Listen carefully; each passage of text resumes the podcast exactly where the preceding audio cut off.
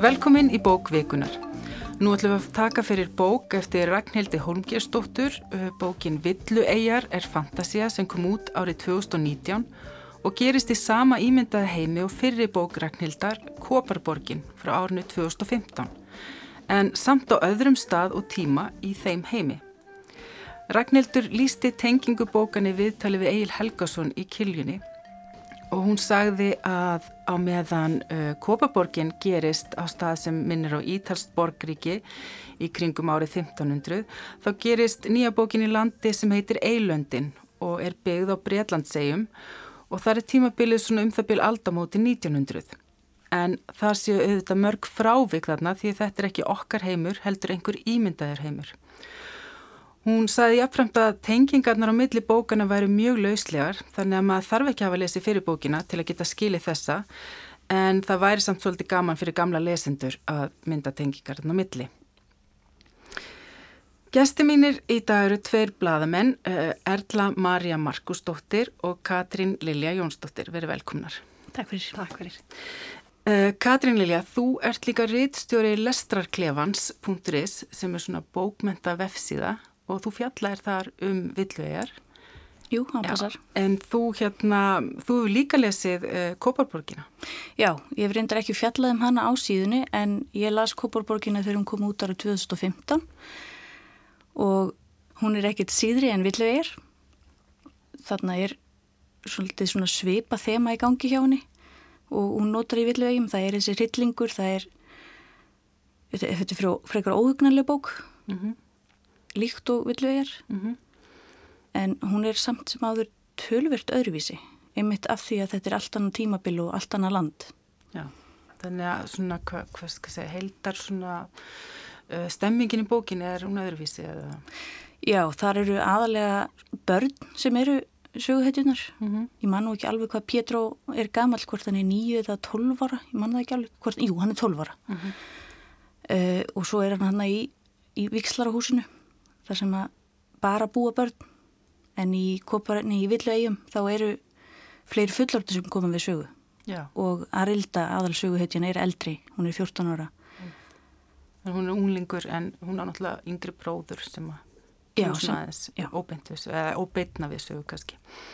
Um, en svona almennt eh, er þið að lesa mikið fantasíubækur? Já, ég les mikið af fantasíum og gerði það sem unglingur líka þetta var svona, ég, ég var rosalega fljóta að skipta yfir í ennskuna að því mér fannst ekki nægt frambóð á íslensku en mér finnst þetta að vera batna núna mm -hmm. eh, Ég er svona kannski meira fyrir fantasíur í setnitíð og ég mitt helst á eftir að hafa kynsti í gegnum ungmennabókmynduna þó að fantasíubókmyndir náðu náttúrulega til bæði ungmenna og fullorna algjörlega mm -hmm. og maður sér það einmitt svo litið hjá henni Ragnhildi að um, hún hefur orðið undir áhrifum ímissa fantasíu sem við þekkjum rosa vel í dag, bara eins og Harry Potter og, og Game of Thrones en svo líka greinilega hefur hún kafað aðeins dýbra því að ég man að hún nefndi í einhverju vittali einhvers fantasíu heim sem að ég eftir að kynna mig betur, ég man ekki sem hvað hann heitir hérna, þannig að hún er svona næra að gera alveg ótrúlega óhugnilega blöndu úr þessu öllu saman. Já, þannig að hún nýti sér í rauninni þessa hefð sem við þekkjum, við erum fann að þekkja ansi vel. Um, uh, svona hvað fannst þér, uh, Katrín, þegar þú hérna, fréttir að villið um að fá svona aðra bók úr sama heimi, varstu spennt að fá að halda áfram? Ég get alveg sagt að ég var mjög óþrýju full að býða eftir henni. ég hef búin að býða í fjögur ár eftir annari bók frá Ragnhildi. Þetta, þetta var alveg, ég las Kóparbrókinu á sínum tíma á tveimur dögum og hefði lesið hana hraðar. Hefði ég gjátt líf fyrir utan bóklæsturinn og þegar að villegir kom út þá las ég hana held ég á svipum tíma. Já. bara þetta var alveg magnað að fá nýja bók. Nú erst þú að lesa hann í, eh, í fyrsta sinn Erla Maria, þess að bók eftir Ragnhild í fyrsta sinn, þannig hvernig fannst þér svona, fannst þér, saknaður þess að það væri eitthvað uh, þú hefði þurft að lesa fyrir bókina því hún hefur sagt að þýrt ekki en Ég mynd, mér leið alls ekki þannig alltaf auðvitað því að ég hafði ekki lesið hana en ég einhvern veginn dætt strax inn í einan heim sem hún er búin að skapa mm -hmm og ég vissi af fyrirbókinni, vissi að það væri svolítið síðan hún kom út og uh, samstagsmaður minn á uh, mókanum Átni Mattiásson las Kóparborgin á sín tíma og saðan að þá held ég ferskustu ungmennabók þess árs og var alveg, hann var alveg að selja mér þetta mjög vel, hann er mér listi vel á þetta en svo vísar hún mjög snemma í villegjum í Koparborgina og mm. það er hann líst sem einhvern svona ævindýra heimi sem að samt svona e, mátt ekki nefna allaveg ekki við einhverja sem að hafa einhver völd hana í e, skólahúsinu þar sem að þau eru að stunda nám. Þannig að það er svona svolítið svona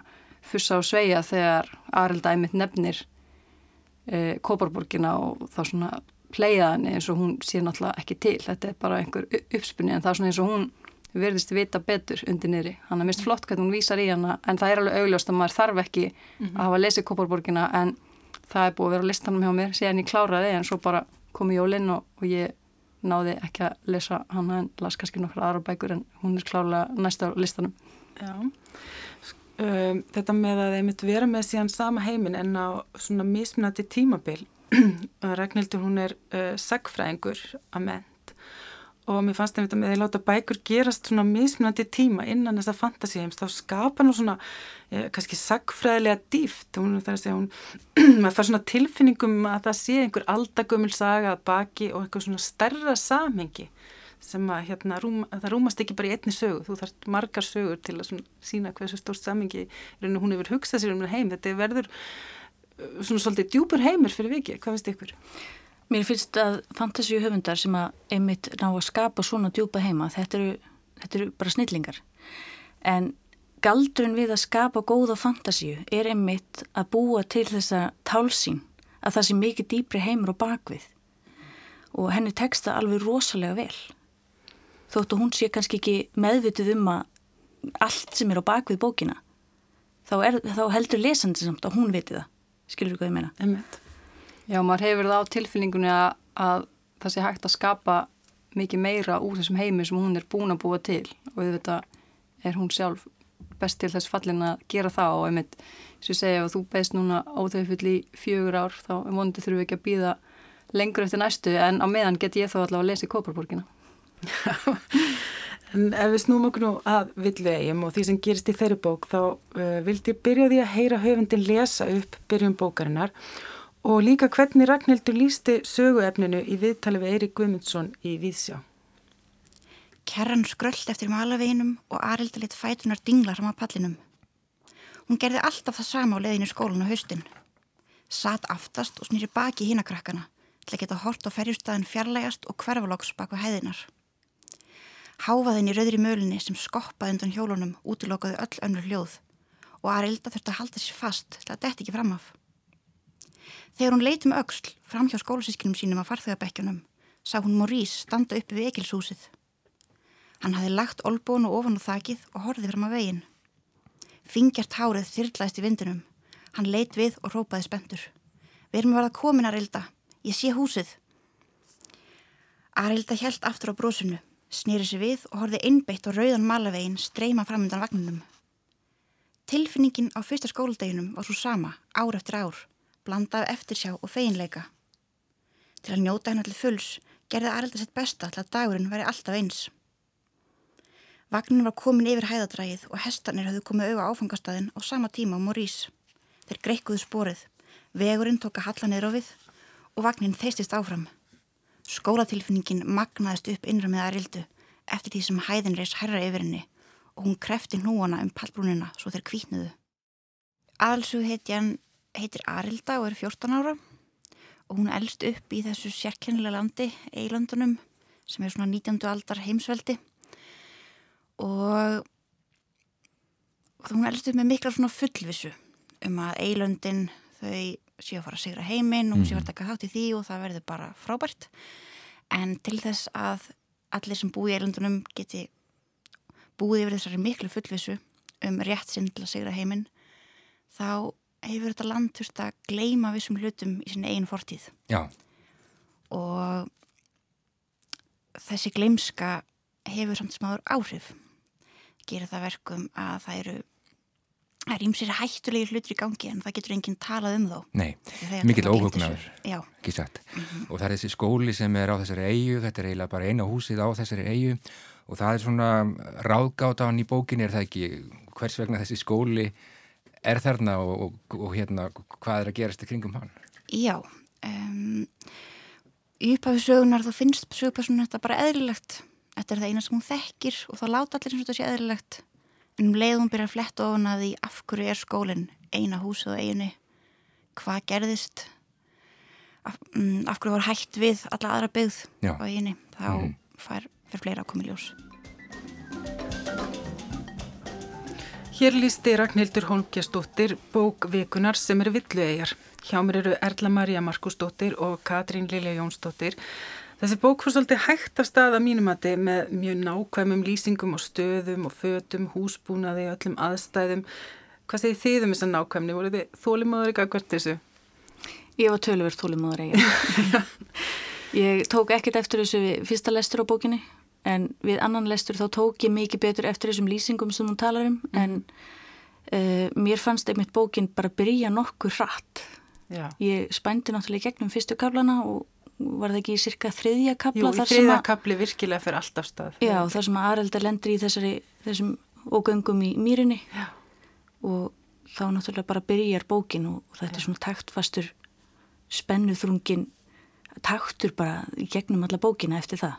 En það er þessi nákvæmni sem er svona svolítið enginnandi fyrir stílinn hennar. Já, ég alveg hjertanlega sammála. Hún er rosalega nákvæm og mér finnst þegar hún skrifar þá er ekkert orð óþarft og um, þetta er svona það sem hún lætur lesandanum í tje það er eitthvað sem skiptir máli mm. það er ekkert óþarft í bókinni Það er svona svolítið líkamlega lýsingarstundum þannig að það er alltaf auðveldar að þá að einhvern veginn að samsama sig eða finna bara næst í fyrir það er lýsa lykt og áferð og eru. Hvernig upplifið þú þetta Erla Maria? Já, mér fannst hún alls ekki fara hægt að stað heldur, mér fannst hún einmitt svona setja mann strax inn í verald þeirra mm. þetta byrjar því að þau eru að fara hana aftur í skólan og svona velti þessi aðeins fyrir sér hvernig aðstæður það eru heima fyrir að virðast vera mjög erfiðar það er svona Já. eins og þessi mikill óþryfnaður og einhvern veginn svona kemur svona hægt og hægt í ljós Já. hvernig aðstæður þeirra eru. Það kannski skapar ákveðna spennu líka. Algjörlega og þá þarf alltaf þessa nákamnin til að lýsa líka bara eins og svona léttinum sem að sérstaklega Arilda lýsir þegar hún fær lóksinn skólabúningin þá er hún komin í hrein född, kemur eitthvað svona léttir. Um, en emitt, ég pældi ekki heldur sérstaklega í það að það væri eitthvað að vera að lýsa þessu of nákvæmlega því mér fannst þetta alveg gerast mjög rætt og þegar hún fer síðan í tíman þarna í viðavangslaupinu þegar nýr kennari er komin og hún er alltaf svo aldels að sína sig fyrir honum að þetta sé hennar fag og hún sé best í þessu en þá bara einmitt tekur óhugnaðurinn við strax og maður alveg sekkur djúft með henni. Já, og náttúrulega villist þarna í þessu víðavangslaupi og Já. þá byrjar atbyrðar á sín í rauninni en, hérna, en þessi fyrstu kapla náttúrulega lýsaðis líka svolítið mikið hvernig kannski hún er og svona hver hennar, hvað við segja, óerikki liggur og annað, þegar náttúrulega ófjölskylda aðstæður annað, þetta fléttast náttúrulega allt saman, hún upplifir þessu svolítið eina og, hérna, og einangraða kannski í þessum skóla. Já, okkur náttúrulega fóreldrennar þeirra hennar og bróðurna Morís falla frá með stuttum millbili eftir að Morís fæðist. Og það svona kemur mjög fljótt í ljósa að hérna dánar og orsök þeirra er kannski ekkit endilega þau sömu og, og henni hefur verið sagt. Þannig að hún þarf að ekki bara að leysa þessar ráðgótu um það sem að gerast þetta í mýrinni heldur tengist þetta hennar eigin fjölskyldi lífi og, og þá náttúrulega fer allt alveg helmikið ræðar af stað ef við erum að tengja þetta allt saman saman Einmitt, hún hana, eftir að hún villist og lendur hún hana í mjög miklum lífsháska og þá þarf hún að fara að leysa svona ráðgáti þá verður þetta svolítið ráðgáta þessi saga.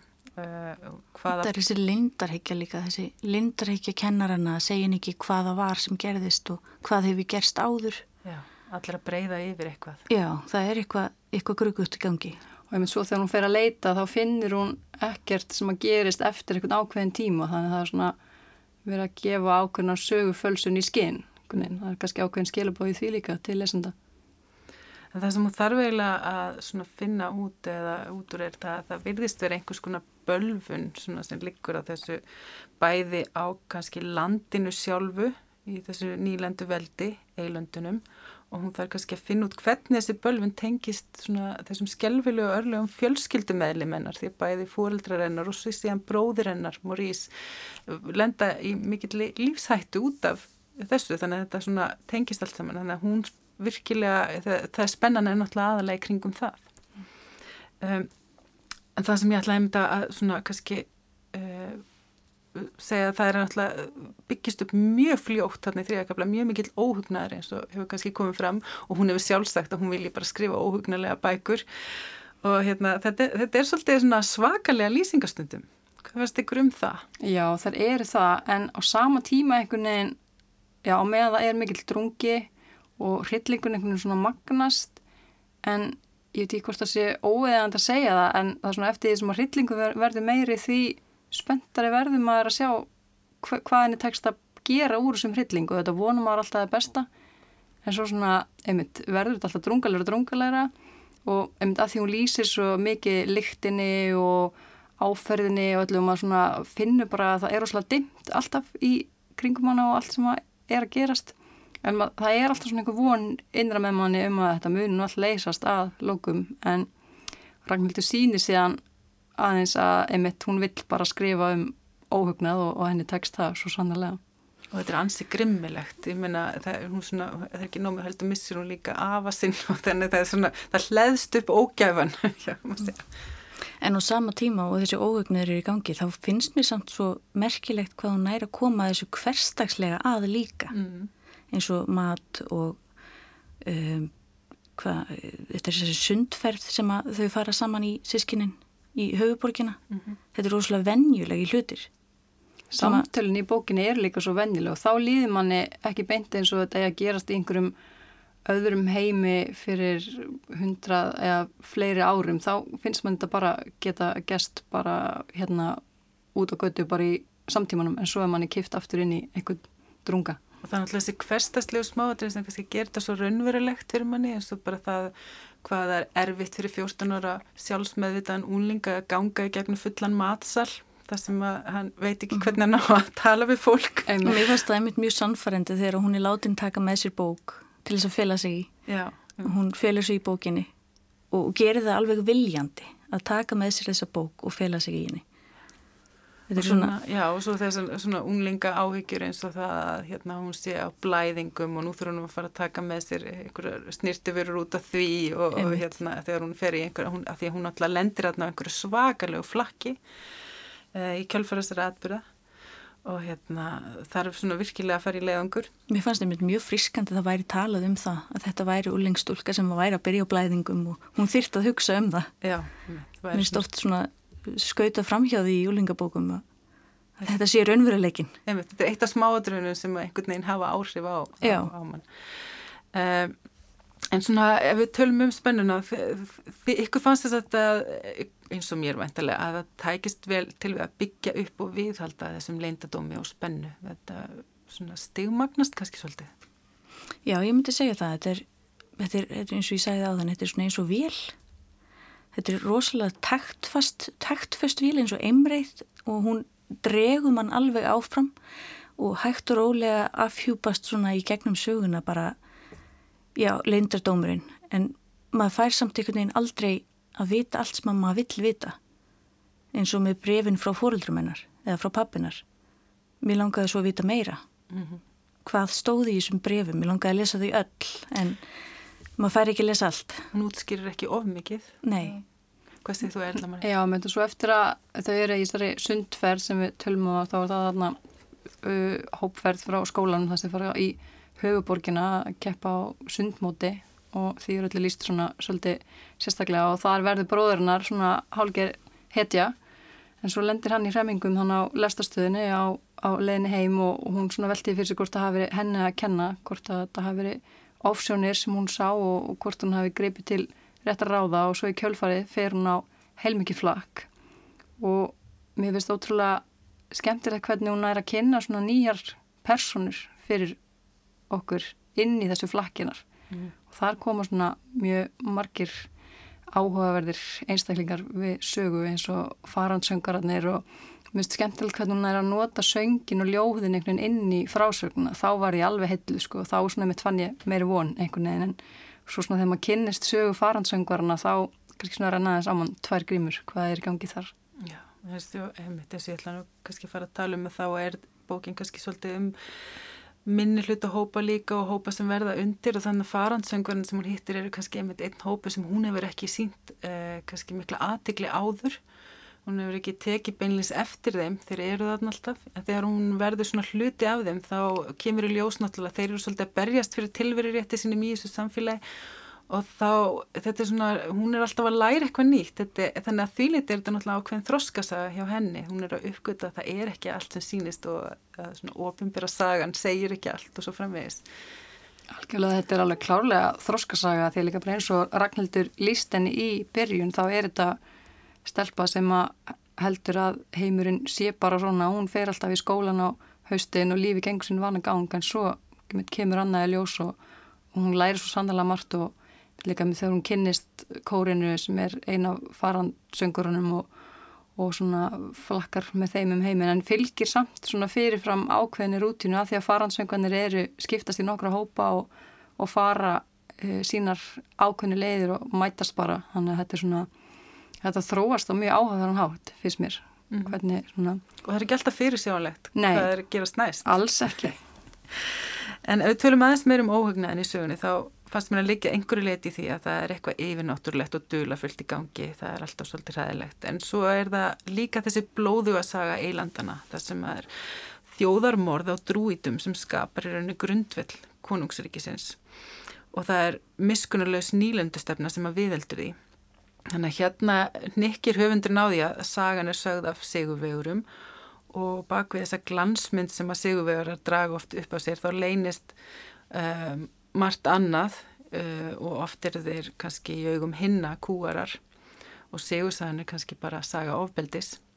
Þannig að, en þetta er ekki eins og svo einfalt í rauninni því að drúitarnir þeir leggja líka á móti bölfun á landi þannig að svo bölfun ógnar svo næstu kynnslóðum sem að þurfa að taka afleiðingum að því sem að forföðunni gerðu.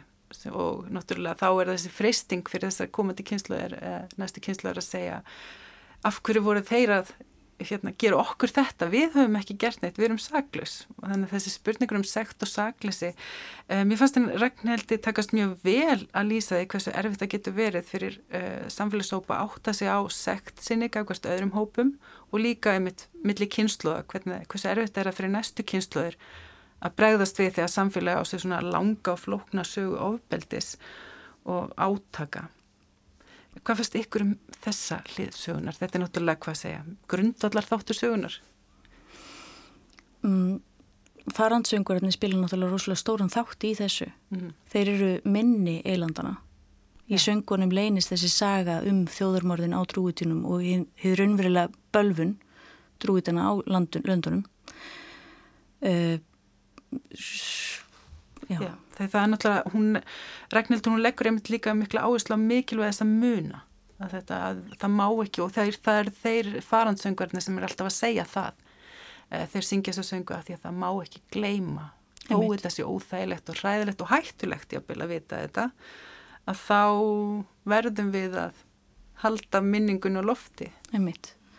Einmitt eftir þessa byltingu ef, ef svo má kalla eða þannig að þegar drúitunum er að því verðist tortímt en þeir náttúrulega skilja eftir sig svakalega bölfun þá náttúrulega líka ef maður hugsa um hvernig tímatalið er í bókinni þá er alltaf miðað við e, valdatíð konungs þannig að þetta er auðvitað konungsríki og ég mitt sagan er sögð frá þeirra hlið, hlið sigurvegarana og held að sé ekki bara svona e, tilvísinu í það að við þurfum að halda okkur upplýstum og við þurfum að fræðast og, og svona vera með opin hugum um hver við erum og, og hvað við komum og svona einmitt kvartning til að leita uppruna manns og, og landsinsins og sögu, bara almennt. Mm. Það verðist vera samt sem að eilöndin séu enn í þessari ofbeldsfullu útþenslu stefnu. Mm -hmm. Það kemur fram í brefunum frá pappinar að, að mamminar upplefði eitthvað hérna í Indíja, Indíum eða eitthvað svolítið sem hann ekki alveg hvað hétt, eh, sem að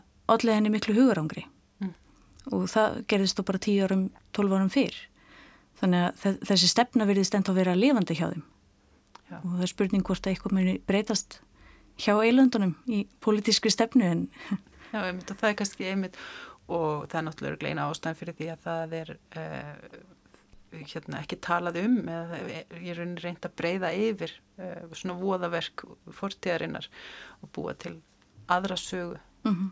svona sigursögu um, og það er náttúrulega eitthvað sem er kannski hefur verið mjög mikið umræðinu áfram og, og það er náttúrulega oft að tala um svona tráma að takast á við samfélagslegt tráma til dæmis að það er eh, eins og þjóðamorðið að stríð og byldi gegn minnilutópum það er þetta með mikilvægst að muna og vinna úr trámanu. Og það er kannski það sem Aralda þarf að gera, hún þarf að virkilega horfast í augvið eh, mjög hræðilega hluti Já, það er mm. rosalega margt lagt á 14 ára gamla stelpu eins og ekki sé meira, meira sagt þannig að þetta er náttúrulega líka bara hvert áfalli á fætur öðru skekkur hana hana eftir því sem maður líður á og stundum svona einmitt, manni verður alveg pínu já, mann bara á ég átt alveg erfitt með mig að setja mig í hennar spór svo mikið náði að lefa mig inn í þetta mm -hmm. þannig að, jú, það er ansið mikið ánægt að líka bara magna hvernig Ragnhildi tekst að skapa á saman tíma svona pólitískan heim en á ævintýralegan hátt þannig að þú þurft alls ekki að hafa áhuga á stjórnmálum til að lesa þessa bók síðan og svo þú þurft bara meira að hafa áhuga á ævintýrum og fantasíum sko þannig að hitt sér kannski ágætist lærdómur í leðinni. Er það samt ekki svolítið það sem að fóreldrar reyna reyndu að gera? Þau reyndu að bæta fyrir það slæma sem að, sem að gerðist í fortíðinni en uppskáru ekki erfið? Það er þessi, einmitt, það stendur svolítið upp úr einmitt hversu flókið það er. Það er ekki eins og nóg að hafa góðan vilja eða, eða því ef þú þekkir ekki fortíðina og eða veist ekki nóg mikið um hana sem þau kannski gerðu þá ekki vissi ekki alveg hvað þið voru að gera mm -hmm. uh, að þá, hérna, það er ekki svo einfalt Nei. það er heldur ekki svo einfalt hverjir eru fórnalömp og hverjir eru gerundur eða jafnveg þeir upp í staðið því að það er náttúrulega þessi bölvun drúidana sem voru kannski upphaflegu fórnalömpin sem að já, verður svo öðrum að tjóni. En svona ef við við höfum aðeins minnst á þess að með, með svona hópa eins og þjóð ákveðin minnirluta hópa og, og hérna þá sem verða undir. En það er líka náttúrulega þetta með personurnar að það er kannski eins og nefndi á þann þá er Arilda hún upplifið sér líka svona út úr og ekki hlut af hópnum þannig að hún dreyður sér hlið þannig að þetta er líka svolítið um það hvernig maður persónulega þarf að svona hérna, standa fyrir sínu eða, eða svona einhvern veginn finna sig innan um aðra. En hvernig fannst eitthvað svona personan Arilda? Mér fannst hún alveg um, rosalega heillandi persona ég veit ekki hvernig ég get lísti í eila hún, hún er rosalega feimin rosalega varkár en ég gæti samsvara með mjög vel miðni eða hægt að segja það mm -hmm. uh, og mér fannst hún líka svo rosalega ástrygg hún vill, ja. hún vill svo gott mm -hmm.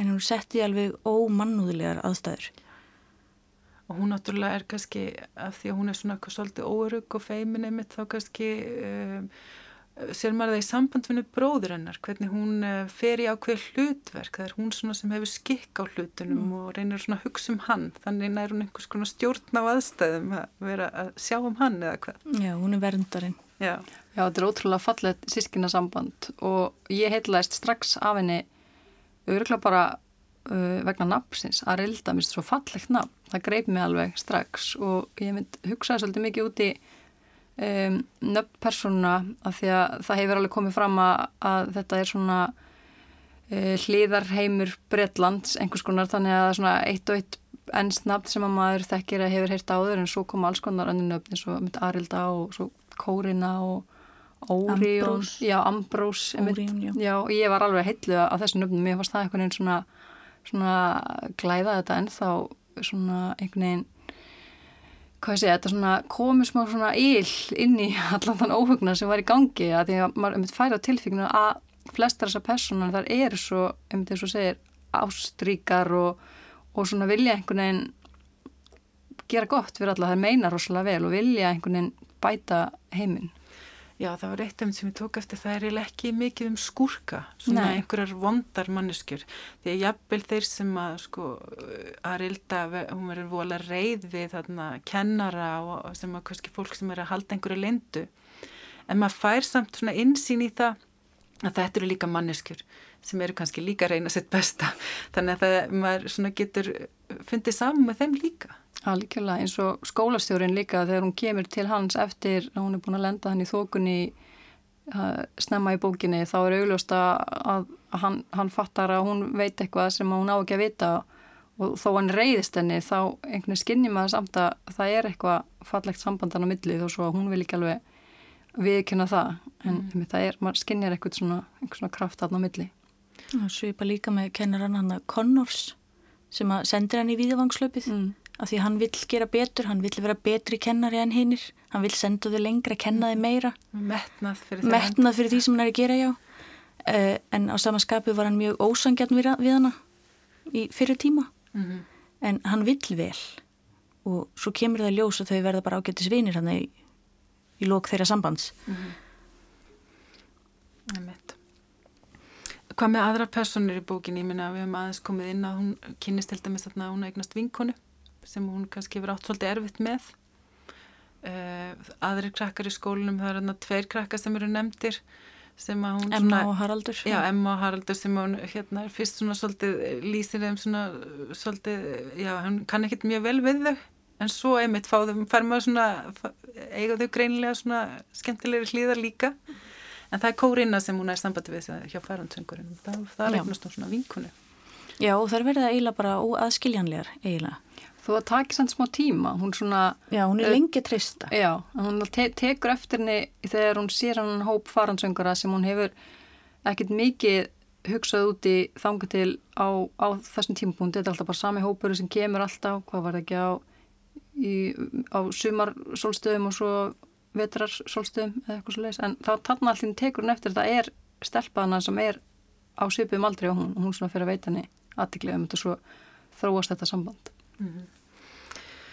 Fannst ykkur svona að hún ná að skapa uh, aðrar personur fyrir utan uh, Arildu Morís verður kannski ekki, bróðurinn hann verður kannski ekki alveg sterkar samt hann er svona, þó hún sé líst meira át frá hennasjónarhóttni þá uh, verður hann svolítið lifandi líka Já, maður allavega fyrir að elska hann mjög mikið Algjörlega. í gegnum hann að Areldu mm -hmm. og man, sko, mér, mér hefur aldrei þótt eins væntum neina personu eins og hann af því að maður bara smítast svo af ástinni eh, mér fannst Kórin að vera mjög góð persona. Ambrós eh, kannski ekki svo sterk persona en hann er samt sko svo ábyrrandi í hópi farandsöngurana eh, mann svona ekki eftir fleirum svona Nei, sem svona, svona orkuðu sterk á mig. Mm. Aðrilda er rosa mikil aðal persóna en hún gerir það líka svo vel og hún einhvern veginn tengir alla lausa enda saman einhvern veginn og, og eins og það virðist í upphafi á hún er erfitt með að kynast fólki og svona helst viljið ekki mm. þá einhvern veginn svona þegar hún er komin í þar aðstæðar að hún reyna neðist til þess þá, þá er hún bara nokkuð færi í mannlegum samskiptum um, Við tölum svolítið mikið um það á þann að þetta með uh, að vera með nákvæmlega lýsingar og, og svona ákveðin hvers er eh, trúverðuleika innan þessa heims þá er þetta auðvitað fantasi síðan og þá um, sem að Ragnhildur hefur skapað og galdrar og álög gegna miklu hlutverki í þessari sögu. Það er kannski eitt af því sem gerir hana dulafull og spennandi þetta er náttúrulega fantasia Já, en að samanskapi þá er það ekki augljóst fyrir sögupersonum að galdrar og töfrar og álög séu í heiminum. Nei, eins og hér þá er það ekki Já. Mm -hmm. en, en það er augljóst fyrir lesandanum þannig að það er svolítið svona skemmtilegt konsept. Mm -hmm. Ég myndi maður lítur ekki á þetta sem eitthvað galdrasögu. Ég myndi aldrei, aldrei segja það. Það svona kemur meira bara einhvern veginn, já, eftir því sem maður líður á en, en mann er langar að trúa öllu sem maður gerist í bókinni. Þannig að og það er kannski eitthvað sem alltaf þarf líka uppgötta svona smá já. saman, það er þetta að það er alls konar uh, dularfullt í gangi í rauninni. Og það gerur hún auðvitað í gegnum farandsöngvarana því að þau eru minni eilandana og þau mun eftir þessu í gegnum söngurnar, eða söngvana. Um, Ef við við rættum aðeins fyrir þáttina það þyrti nú kannski ekki að flokka bækur mikið í til dæmis ungmennabækur eða fullorinsbækur og svo framvegis en þessi bókum gerir freka miklar kröfur til lesenda eða hvað Eitt af því sem kannski augrar allavega ungum lesendum og kannski öðrum er að endirinn hann er svona opinn fyrir tólkun. Hvað fannst ykkur um það? Sko ég persónulega skellti bókin aftur og var fyrir eitthvað reið. ég átti mjög erfitt með þetta og þurfti að melda þetta í svolítinn tíma. En svo sætti ég mig við þetta og hugsaði já, ok, svona er Ragnhildar stíl svona skrifar hún, hún, hún skrifar mjög opna enda. Og ég er búin að taka þetta í sátt núna. Mm -hmm. og mér finnst þetta flottur endir. Já, hvað stuðið þú erla? Já, ég, emitt var líka já, ég segja það bara, svolítið reið þegar ég lókaði bókinni, ég líka atbyrðarsni í lókin er rosalega hröð og emitt, mér svona fannst kannski að tímum hefði mátt ganga betur frá lausum endum hann í lókin, allavega svona við fyrstu uh, við fyrstu sín mm -hmm. en svo las ég uh, síðustu kaplana aftur bara núna uh, í gær til að aðeins að frísku upp á minnið. Og þá eiginlega tólka ég endin öðruvísi. Þannig ég er kannski svona aðeins björnsýtni við, við annan lestur en kannski er það bara því að ég vil vera það Já, einmitt. Ég hugsaði það einmitt, sko, ég var nú, ég las þessi rafbók og ég held reynilega að vanta þess eitthvað, einhverja kaplaði, gerst eitthvað þegar ég hlóði niður. Einmitt, ég skil það vel. Þannig það var svona pínu vonbrið að það væri ekki meira, en hérna, en svo hérna fór ég um til að hugsa líka að ef þetta höfða bæði til uh, ungmenna og unglinga og fullanna, þá er það einmitt oft held ég að unglingar eða, ung, eða börn lesa kannski af miklu meiri svona einmitt bjart sín í svona opinenda, þú getur í rauninni ákveðið sjálfur hvað þú heldur mm -hmm. í rauninni framhaldi verði. En ég held að það sé bara rosalega holdt að bara koma með meiri drunga inn í þessar, ef við ætlum að flokka þetta sem ungmennabókmyndir að því að ég minna þannig hef bara lífið, það er kannski ekki alveg svona drungalegt en það hefur náttúrulega sínar skuggarliðar og þá er kannski uh, alveg jafn gott að sveipa í smá ævintýra blæ til að gera það betra. Mér finnst líka áhugavert að sjá sko, orðanótkurinn hjá Ragnhildi er, þetta er ekkit endilega auðveld orð sem hún notar í mörgum setningum. Bæði lýsingarorðinn og bara nafnorð, þetta er, mm -hmm. þetta er, þetta er þung bók mm -hmm. að þýleitinu til. En mér finnst hún gera þetta samt á, tekstin flýtur svo vel áfram að maður tekur ekki eftir því, allavega ekki ég. Líka af því að þú, eins og þú sagði líka þá er hún rosalega nákvæm, hún velur orðin sín rosalega vel Já. þó að þau séu einmitt jafnvel þung og, og erfið fyrir lesendur sem eru svona kannski að stíga sín fyrstu skref í svona þessum flokki bókmynda þar að segja úr bara barnabókunum yfir í þessar bókmyndir einmitt að þá geti það reynst kannski svolítið erfitt en og þú segir þá er hún svo nákvæm að það kannski hjálpar aðeins líka. Ég held það að því að merking orðana verður svo greinileg. Mm. Algjörlega, tekandi það. Já, svona undir lókinn þá vil ég mynd nefna að Ragnhildur hefur náttúrulega fengið eh, viðkenningar fyrir þessa bækur og Kópaborgin hún fekk badnabókaverlun Reykjavíkuborgar og var tilnæmt til fjöruverlunana og badna- og unglingabókaverluna Norðurlandarás og villu er hafa líka verið tilnæmtar til fjöruverlununa uh, eh, og við erum náttúrulega komin að það með sterkan höfund, uh, mjög flott framlag til uh, ungmennabóka, fantasíu, hérna sem hafa um verið svo vinsælar undarfarið. Um, en það er náttúrulega fleira að skrifa, svona munið eftir einhverjum öðrum sem að hafa verið að setja sitt marka og svona, hvað er þetta, þess að tegund bókmynda? Já, ég held að ég verð bara að nefna Hildi Knútsdóttur. Um leið ég eh, kynntist henni, hennar, eh, hennar verkum í hitti fyrra þegar ég las Ljónið sem er fyrsta bók hennar í vantalegum þrílegg og það er mitt svona, það fer á stað eins og svona hefbundin ungmennasaga. Kannski gerist bara hérna í miðbænum um hana kríu sem er að hefi skólagöngu í MR en svo opnast ýmsar dölarfillar dyr og það verður mjög áhugavert. Og um þetta þarna koma einhverju svona dölarfillar verur sem að svona emitt eru kannski, kannski alvöru, kannski ekki og emitt þetta á, á tímum draugarsaga líka og þetta fléttast mjög vel saman, ég var mjög heitluð og var mjög spennt að lesa framhaldið sem kom svo út núna í haust, í oktober held ég, Nordnin og en þá er bara búið að spóla 80 ár fram í tíman og allt annað í gangi en, svona, en ég var svona pínu frústriru í byrjun en svo þegar maður byrjar að lesa Nordnina þá alveg opnast annar heimur sem er alveg, alveg frábær sko, ég held að hún svona þótt að sé kannski aðeins uh, önnur leið heldur en Ragnhildur er að fara, þetta er svona kannski meira já, svona framtíðarbókmyndir ef mm. það er til, en ég var virkilega heitluð því og náttúrulega Hildur hefur verið velunnið líka og á það svo sannlega skilið. Já, þetta er kannski bara svona eina af þeim bókmyndgrunum sem er svona mest að gerast í núna. Og lingabókmyndinar? Já, og fantasíuna líka, mm -hmm. svona meira, meiri fantasí að koma inn hjá okkur. Það hefur verið svolítið tíma náttúrulega. Nú eru náttúrulega þegar að skrifa sem ólist upp með Harry Potter. Já.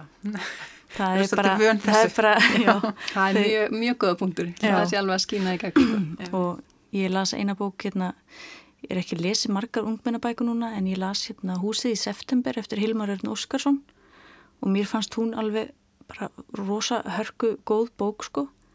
Með dassi af guðpöngi og, og fantasíu og bara allt í bland og, og Ísland kemur hann inn í líka og það var alveg mjög spennandi bók. Og svo held ég að bókin hennar Sivjar Sigmars ég er sveikari ég held að hún sé mjög góð, ég hef ekki lesað hana.